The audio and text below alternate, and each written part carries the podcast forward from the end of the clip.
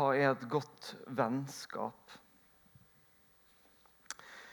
Eh, og For å svare litt på det så skal vi eh, i dag starte litt i første og andre Samuels bok.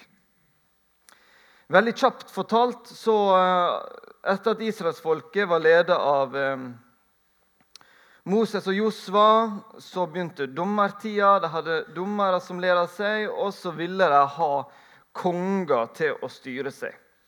Og så var Saul den første kongen. Um, og så når han skulle byttes ut, de skulle ha en ny konge til Saul, så kanskje var det naturlig å tenke at det skulle være hans sønn um, Jonathan. Uh, men så er det slik når Gud velger ut noen til å gjøre et oppdrag, så, så ser ikke han slik som vi ser. Um, han ikke, bryr ikke seg om hvem som er, er på en måte høyest og sterkest og tjukkest hår. og jeg vet ikke hva det skal være. Han ser med litt andre øyne enn hva vi gjør. Han ser på det som er på innsida. Og når Samuel skulle komme og sagt til at han skulle komme og, og salve en av sønnene til eh, Nå står det helt stilt for meg. Esias, så, så på en måte kommer han, og så han ble de sønnene som, som, var tatt fram, så, så var ikke David en av dem. Men så sier Samuel at han må finne en annen. For han hadde sett en som hadde et hjerte som var annerledes. Og Det som er litt overraskende, er jo at David, som var den som skulle overta at eh, Saul han får et veldig godt vennskap til Jonathan, som kanskje naturlig skulle tatt over etter Saul. Vi kan lese at det, eh, var Jonathan som satt overfor Saul eh, på bordet når de store dagene skulle feires. Det var han som på en måte var nok litt den naturlige. Men så var det altså David som skulle overta. Eh, vi kan lese i, i Første Samuels bok at David på et tidspunkt må rømme fordi han aner at Saul ikke vil han godt, at han faktisk vil ta livet av han. Rømme til en plass som heter Nevajot, der han møter Jonathan. Han forteller til Jonathan at han tror at Saul, altså faren til Jonathan, har tenkt å drepe ham. Um, og, og, Jonathan tror ikke helt på David. tenker at Nei, Er du sikker på at det er det som har tenkt å skje? Er du sikker på at far min har tenkt å drepe deg? Eh, Jonathan og David finner ut en måte de skal sjekke ut dette her på. Um, Jonathan skal si til faren sin at, eh, at eh, David er dratt hjem til Betlehem for å ofre i stedet for å møte opp på, på, en fest. og litt sånn forskjellig. Iallfall så, så klarer de å sjekke ut det her, og det viser seg at David har rett. Um, og Jonathan han velger å støtte David. Han hjelper å støtte David med å skulle rømme derifra. Um, og så står det at eh, eh, Det står at eh, det var en hard avskjed. Det var en tøff avskjed for disse to. Um, og det står at eh, David strigråt når han måtte forlate Jonathan der. De hadde fått et helt spesielt vennskap.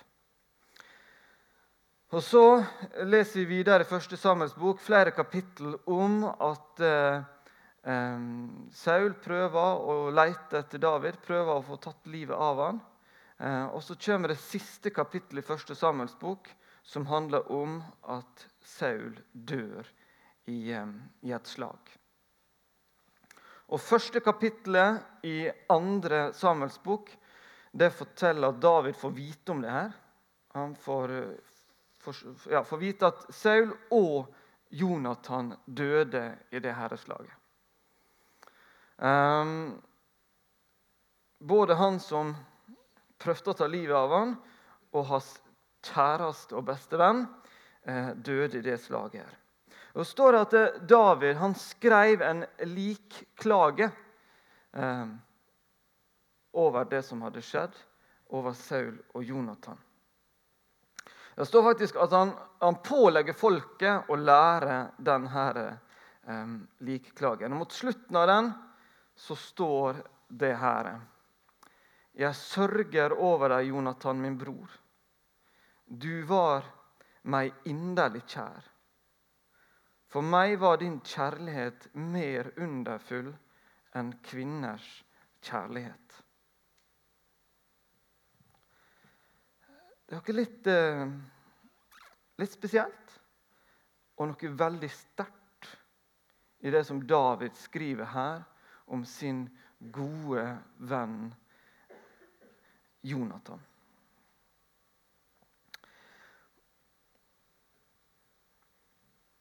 Det er noe litt eh, underlig med denne verden vår. For som samfunn så har vi egentlig en del år nå prøvd å sagt at eh, blod ikke er noe tjukkere enn vann. Det blir sagt at veldig mange av oss har, eh, venner som ikke er i slekt med oss. Tidligere så var ofte de du brukte mest tid med, de du var sammen med, også vennene dine. Det var gjerne slektninger. Vi har langt på vei bytta ut det. Um, og sånn I første omgang så kan det være naturlig å tenke at ja, ja, men vi har sikkert funnet venner da, som er oss likere, um, som vi har det bedre sammen med, og som, og som det um, ja, så rett og slett funker bra. At det er fint. Og, og, og kanskje vi tenker Jeg har fått tenkt at når jeg hørte det her, så, så, betyr det kanskje at vi får bedre vennskap. At dette her er noe som, som vi er på, på leit etter for å finne bedre og djupere vennskap. Men så er det en kar som heter Richard Godbear, en amerikansk professor som har prøvd å, studere vennskap eh, over en god tid. Han har funnet mye skriftlig eh, mellom særlig menn han har studert vennskap til, på slutten av 1700-tallet, utover 1800-tallet i Amerika, mens USA holdt på da å, å på en måte bli en, en stat. Eh, og framover og til i dag. Og Det han ser og det han, han mener er tydelig, er at vi har faktisk langt dårligere vennskap i dag enn hva de hadde på den tida. Jeg tenker automatisk at liksom at det var et røffere tid da, både på den tida David og Jonathan levde, og også for noen år par hundre år tilbake, at det var liksom en røffere tid, at de kanskje ikke var så åpne hverandre. Men forskninga sier egentlig det motsatte. Vi er mindre åpne med hverandre enn hva vi var ja, for noen hundre år. Og på en måte det har vært en, en, en gradvis utvikling, det her. Så, så, når jeg blir tenker, når jeg leser krigene i ja, f.eks. Samuelsbøkene og tenker at dette måtte være et røft samfunn, så viser det seg at kanskje så kan vi lære noe om vennskap fra den tida. Kanskje er det noe med Jonathan og David som vi kan lære av i dag. Noe som, eh, som også han Godberry er inne på, og som blir kommentert til hans forskning, er at det som også er tydelig, er at disse her djupe vennskapene som han eh, ser var mer av før, den inneholdt ikke ei seksuell side. Dette er ikke snakk om, om vennskap som hadde noe med, med erotikk å gjøre. Eh, mange av oss kan sikkert oppleve at det kan være lettere å snakke med noen av, av samme kjønn. Kanskje kan det være at for en gutt så er det lettere å snakke med en gutt om noen ting. Og, og ei jente kan tenke at det er lettere å snakke om de litt sånn djupe ting med ei jente. Um, men jeg tror at i vårt samfunn i dag så er vi litt kjapt med å skulle blande inn det seksuelle. En av de kommentarene til denne forskninga som, som jeg las, kommenterer det at det, det viser seg at vi har um, ja, både, både, i vennskap og egentlig i, i ekteskap med, så er det vanskeligere for oss å kle av oss det indre og åpne opp om hva, hvordan vi egentlig har det inni oss. Og så har vi blitt litt kjappere med å kle av oss på utsida. Det er litt tankevekkende, syns jeg. Vi lever i et samfunn som har blitt veldig seksualisert. Um, kanskje det er noe som altfor fort um, kommer inn i forhold mellom mennesker. Kanskje vi skal lære litt av David og Jonathan, at det går an å ha ekstremt gode, nære vennskap uten at det skal bety noen form for erotikk.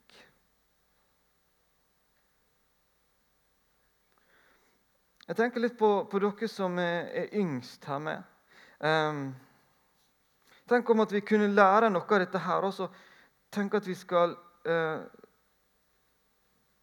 jobbe med å ha vennskap der vi kan fortelle noe om, om hvordan vi har det. Hvordan det står til, hva vi opplever. Um, å få noen ja, dype vennskap. Jeg tror at vi har lett da, så vi lett for å kvire oss for å åpne opp for å snakke om hvordan vi har det på innsida. Og så er det lett til at han går til eksperimentering på det kroppslige, det seksuelle, det andre tinga. Det seksuelle er absolutt en gave fra Gud. Det er noe flott vi mennesker har fått. Men Gud har gitt oss noen rammer for det. Noe han tenker det er best at det, inna, det foregår innafor noen spesielle rammer. Men han vil at vi skal ha noen djupe, gode, trygge vennerelasjoner. Der vi kan få lov til å snakke med noen om hvordan vi har det på innsida. Og Noe som utfordrer litt det her, det er vår trang til å sammenligne oss med hverandre. Vi har så lett for å tenke at hun eller han er så fin, eller han eller hun er så smart, eller han eller hun er så frisk. Et eller annet. Og så syns vi det er litt sårt å åpne opp om det innvendige. For vi føler vi står i en eller annen form for en konkurranse vi driver og lager til mellom oss mennesker. Jeg hørte en gang en, en beskrivelse litt dette her som jeg, som jeg syns var, var, litt fin. For vi, vi, tenker da så veldig fort at det skulle egentlig vært han, det skulle egentlig vært hun. For vi ser litt Vi kjenner oss sjøl på bunnen og vet alt vi kaver med, og så ser vi kanskje bare glansbildet av andre mennesker Det var noen som sa at hadde vi hatt hele livet vårt i en bærepose eh, En gjennomsiktig bærepose der du på en måte liksom så faktisk alt som var inni et liv så er ikke det sikkert det hadde vært så attraktivt å bytte denne bæreposen allikevel. Um, ja, for når vi lever litt lengre, uh, så merker vi det at vi har nok noe å kave med de fleste av oss så burde vi nok tenkt at da kan vi la den sammenligninga få lov til å, å, ligge. Da kan vi på en måte prøve å tenke litt annerledes. Tenke på alt vi kunne ha fått ut av og levd litt mer åpent med livet vårt. Ikke for alle, men det var noen du slapp innpå. Det var noen som fikk lov til å vite hvordan det sto til innerst med deg der du ikke hadde festa noen sånne lapper utapå denne posen som skulle gjøre at du ikke kunne kikke igjennom den. Poenget mitt her er ikke denne, er sammenligna. men poenget mitt er at vi trenger noen sånne relasjoner der vi eh, ikke trenger å holde noe tilbake. Og vet vi, vet vi langt mer om eh, om David enn Jonathan, men vi vet at David ikke var noen perfekt mann. Vi vet jo bl.a. at eh, da faren hans skulle finne fram disse her sønnene sine når Samuel skulle komme og salve neste konge, så hadde han altså ikke funnet fram David.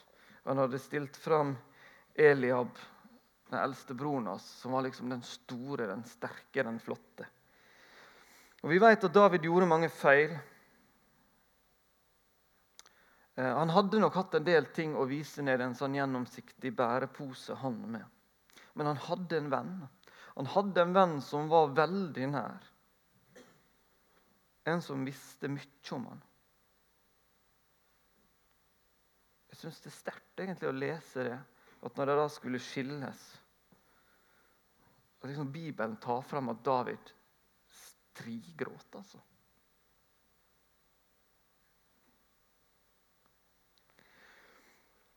Dette her, det var ei lang innledning. Ehm, jeg skal ikke bruke så lang tid på hovedpoenget. Men jeg, jeg, tror rett og slett at vi skulle bruke litt tid på dette her i dag. Fordi at vi mennesker vi er skapt til fellesskap. Det skal vi snakke om mer om til våren. Men vi trenger noen sånne gode relasjoner der vi kan leve åpent og ærlig med vårt indre. Der vi kan være kjappere og kle av oss noen lag med stolthet eller skam. Og så kan vi få slippe til noen i våre gleder, noen, noen utfordringer, noen som kan vite hva det er som rører seg inn i livet vårt.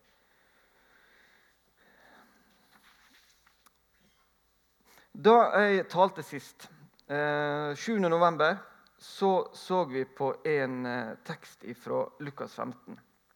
Den øverste her. Alle tollere og syndere holdt seg nær til Jesus for å høre ham. Så står det en plass, eh, ikke så langt unna, i Matteus 11, så står det altså det andre der, som er mye det samme, men eh, med et litt annet perspektiv. Og egentlig et, jeg synes det er et, et langt bedre perspektiv. Um, venn av tollere og syndere. Det er ikke bare at det, det holdt seg nær til han. Det var ikke bare noe de følte, de ville, trengte. Men Jesus var venn av tollere og syndere. Det var noe han var i møte med dem. Riktignok, når dette står her, så det er Jesus som sier det. Men det er noe han sier at de andre sier om han. Men på den måten han sier det, så bekrefter han at ja, han er faktisk det som står der, en storeter og en stordrikker og venn av tollere og syndere. Dette Ordet 'tollere' er jo et, et, eh, litt sånn her eh, vanskelig ord. Jeg vet at de som driver og skal oversette Bibelen, har kava litt med det ordet. Eh, fordi at eh, i dag så er jo faktisk tollere noe av den mest populære utdanninga i Norge. Eh, det er gode, redelige mennesker som gjør en veldig viktig jobb for landet vårt. Eh, men det var ikke det, da på denne tida her. Eh, så hvordan skal vi liksom klare å beskrive det? Men vi vet at de eh, stort sett laug om hvor mye folk skulle betale i toll når de skulle inn i landet for å selge varer. Og ikke noe med at de laug om hva folk skulle betale, men det på en måte de tok mer enn det staten skulle ha. Det putta de i egen lomme. Jeg tror ikke det hadde vært så veldig feil å bruke et ord som notoriske løgnere og, og tjuver. Um, syndere var nok mer en åpen kategori, men i alle fall prostituerte var i den sekken fra den tida. Så Jesus han bekrefter at han vil være venn av og bl.a. notoriske løgnere, tjuver og prostituerte. Og disse menneskene de kunne ikke klare å holde seg unna Jesus. Dette var mennesker som hadde like stor trang og behov for vennskap som andre. Behovspyramiden var ikke annerledes for disse menneskene her. De hadde gjort noen dumme ting. Men de hadde jo ikke andre behov og følelser av den grunn. De hadde dessverre, kanskje av mange forskjellige grunner, kommet inn i noen uvaner som var vanskelig å komme seg ut av. Og Dette hadde ført til at de fleste mennesker i samfunnet holdt dem på en armlengdes avstand. Men så opplevde de noe som var annerledes. De opplevde at det var en som kom nær dem. En som så dem. En som hadde tid til dem, en som brydde seg om dem.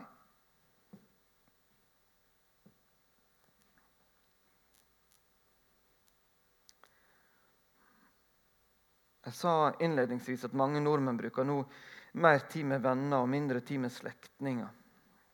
Eh, og jeg tenkte at kanskje dette her var med å, å oppleve at eh, mange fikk metta behov for vennskap.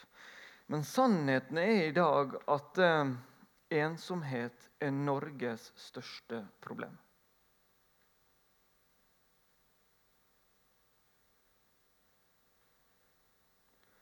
Veldig mange kjenner på ensomheten. Jeg traff en eh, Det var faktisk en sånn middag etter en god søndag her for en stund siden. Det var en som sa at eh, hadde vi skjønt hvordan vi kunne gjøre noe med ensomheten, så hadde misjonssalen vært stappfull søndag etter søndag.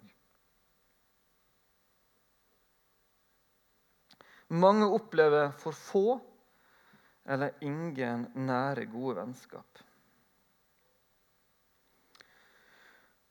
Det er mulig også å tegne Hvis dere ser for dere sånne sirkler med forskjellige farger innover, så kan du på en måte tatt at Ytterst så hadde du en sirkel om, om bekjente, der du vet hva den er, du kanskje vet navnet deres, og så på en måte tar du innover der du kjenner bedre. Og, og så innerst så ender du med med noen du Ja, de du kjenner best.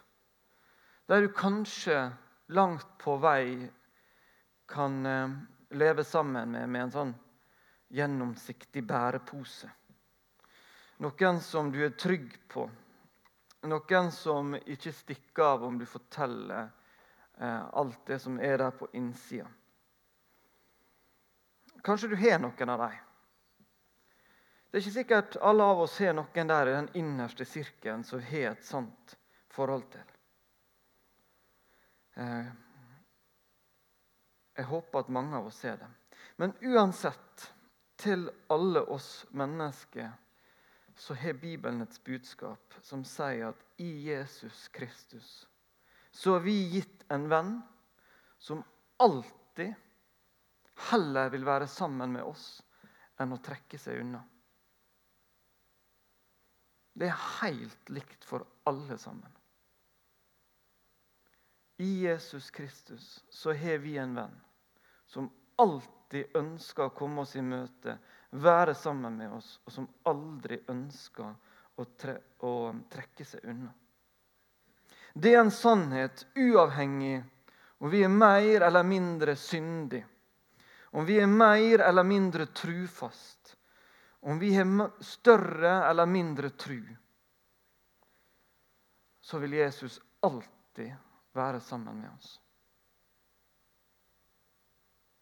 Et bilde som har hjulpet meg til å forstå noe av det her. Fordi at jeg alltid tenkt at Jesus tilga meg og tilgir meg alt galt jeg har gjort. Men jeg liksom på en måte lenge tenkt at det var litt der han, han stoppa. Fordi at det gjør det ofte i våre, eller det kan iallfall gjøre det i våre mellommenneskelige eh, relasjoner. Hvis jeg har gjort noen eh, jeg har gjort noe galt overfor noen, en venn, gjort noe som var skikkelig sårende og vondt, så kan jeg gå til denne her vennen min og så kan jeg be om tilgivelse. Eh, og så får jeg forhåpentligvis det. Men hvis dette her var av en skikkelig alvorlig karakter, så, så um, kan det fort være at dine venn kan si ja, jeg, jeg tilgir deg, det er greit, men jeg syns det er vanskelig å være vennen din.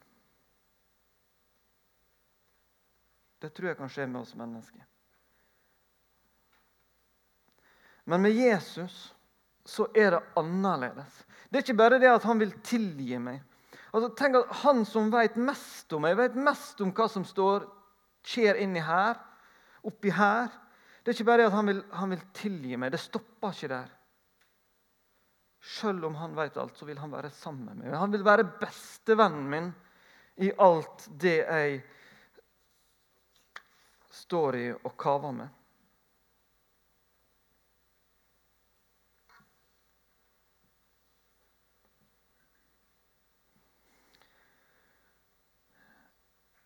Jeg, sagt, jeg håper at vi har noen sånne gjennomsiktige bæreposer. At vi har noen vi kunne dele mest mulig av livet vårt med. Samtidig så tror jeg at det er få av oss som, som deler alt. Jeg tror det er få av oss som lar den bæreposen være helt gjennomsiktig. Dessverre. Jeg skulle gjerne fått gjort noe med det, men vi skjuler ofte noe. Men tenk at Jesus som vet alt, Han ønsker å være vår beste venn. Han på en måte løfter ikke øyenbryna, blir ikke sjokkert.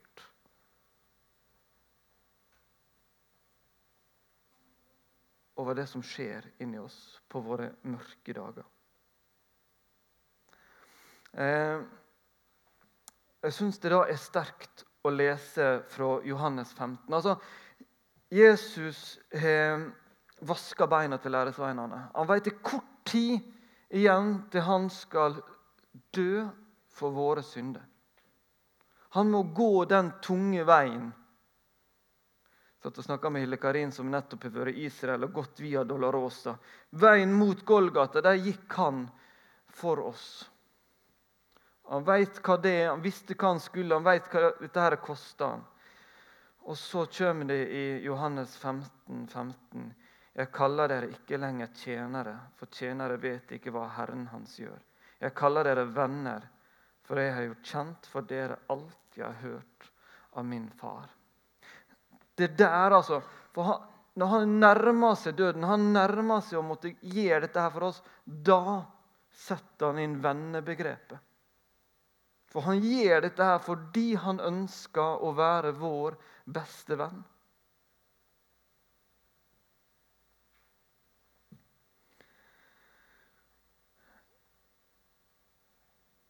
Jeg tror dette her er den åttende talen denne høsten om Jesu hjerte.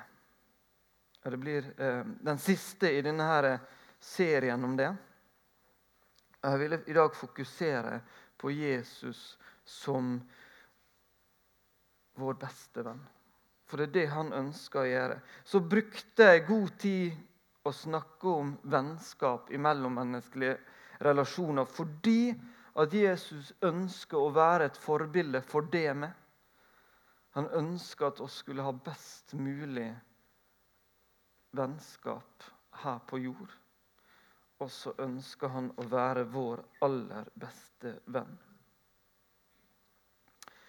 I Johannes' åpenbaring står det et bibelvers. Se, jeg står for døren og banker. Om noen hører min røst og åpner døren, vil jeg gå inn til ham og holde måltid jeg med han, ham og han med meg. For oss nordmenn så, så tror vi forstår ikke helt og fullt det der bibelverset der. For det, der eh, med måltid er ikke vi vant. En del her har vært misjonærer i andre kulturer. En del av dere kjenner andre kulturer. Og vet at det, det der med å holde måltid, det, det betyr så enormt. Det er da først at du er venn. Du kan ikke bli venn med noen før at du har spist middag med dem. Jesus han sier at han står der og banker på vår dør i dag. Ønsker du og kjenner du behov for å ha en bestevenn i livet ditt som vil være sammen med deg uansett hva du har, så er det bare å åpne opp. Og så vil han komme inn og så vil han ha måltid med deg. Og så har jeg lyst til å si én ting eh, til. Fordi at Jeg snakka litt om dette lite og masse klær her i stad. Det har vært en del i media om eh, måten vi har kommunisert dette på i kristne sammenhenger, om epleskrotter og litt forskjellig. Så jeg hadde lyst til å si at hvis du er her i dag og har vært en person som litt for ofte har vært med litt for lite klær sammen med litt for mange mennesker, så gjelder dette deg med. Du er like høyt elska av Gud som alle andre. Jesus vil like mye være bestevenn, med deg som med alle andre. Jeg syns det er spesielt at han som har skapt verden, han som veit alt, han ønsker å komme inn i ditt liv, og så skal han være bestevennen din og ha et gjensidig forhold med deg. Amen.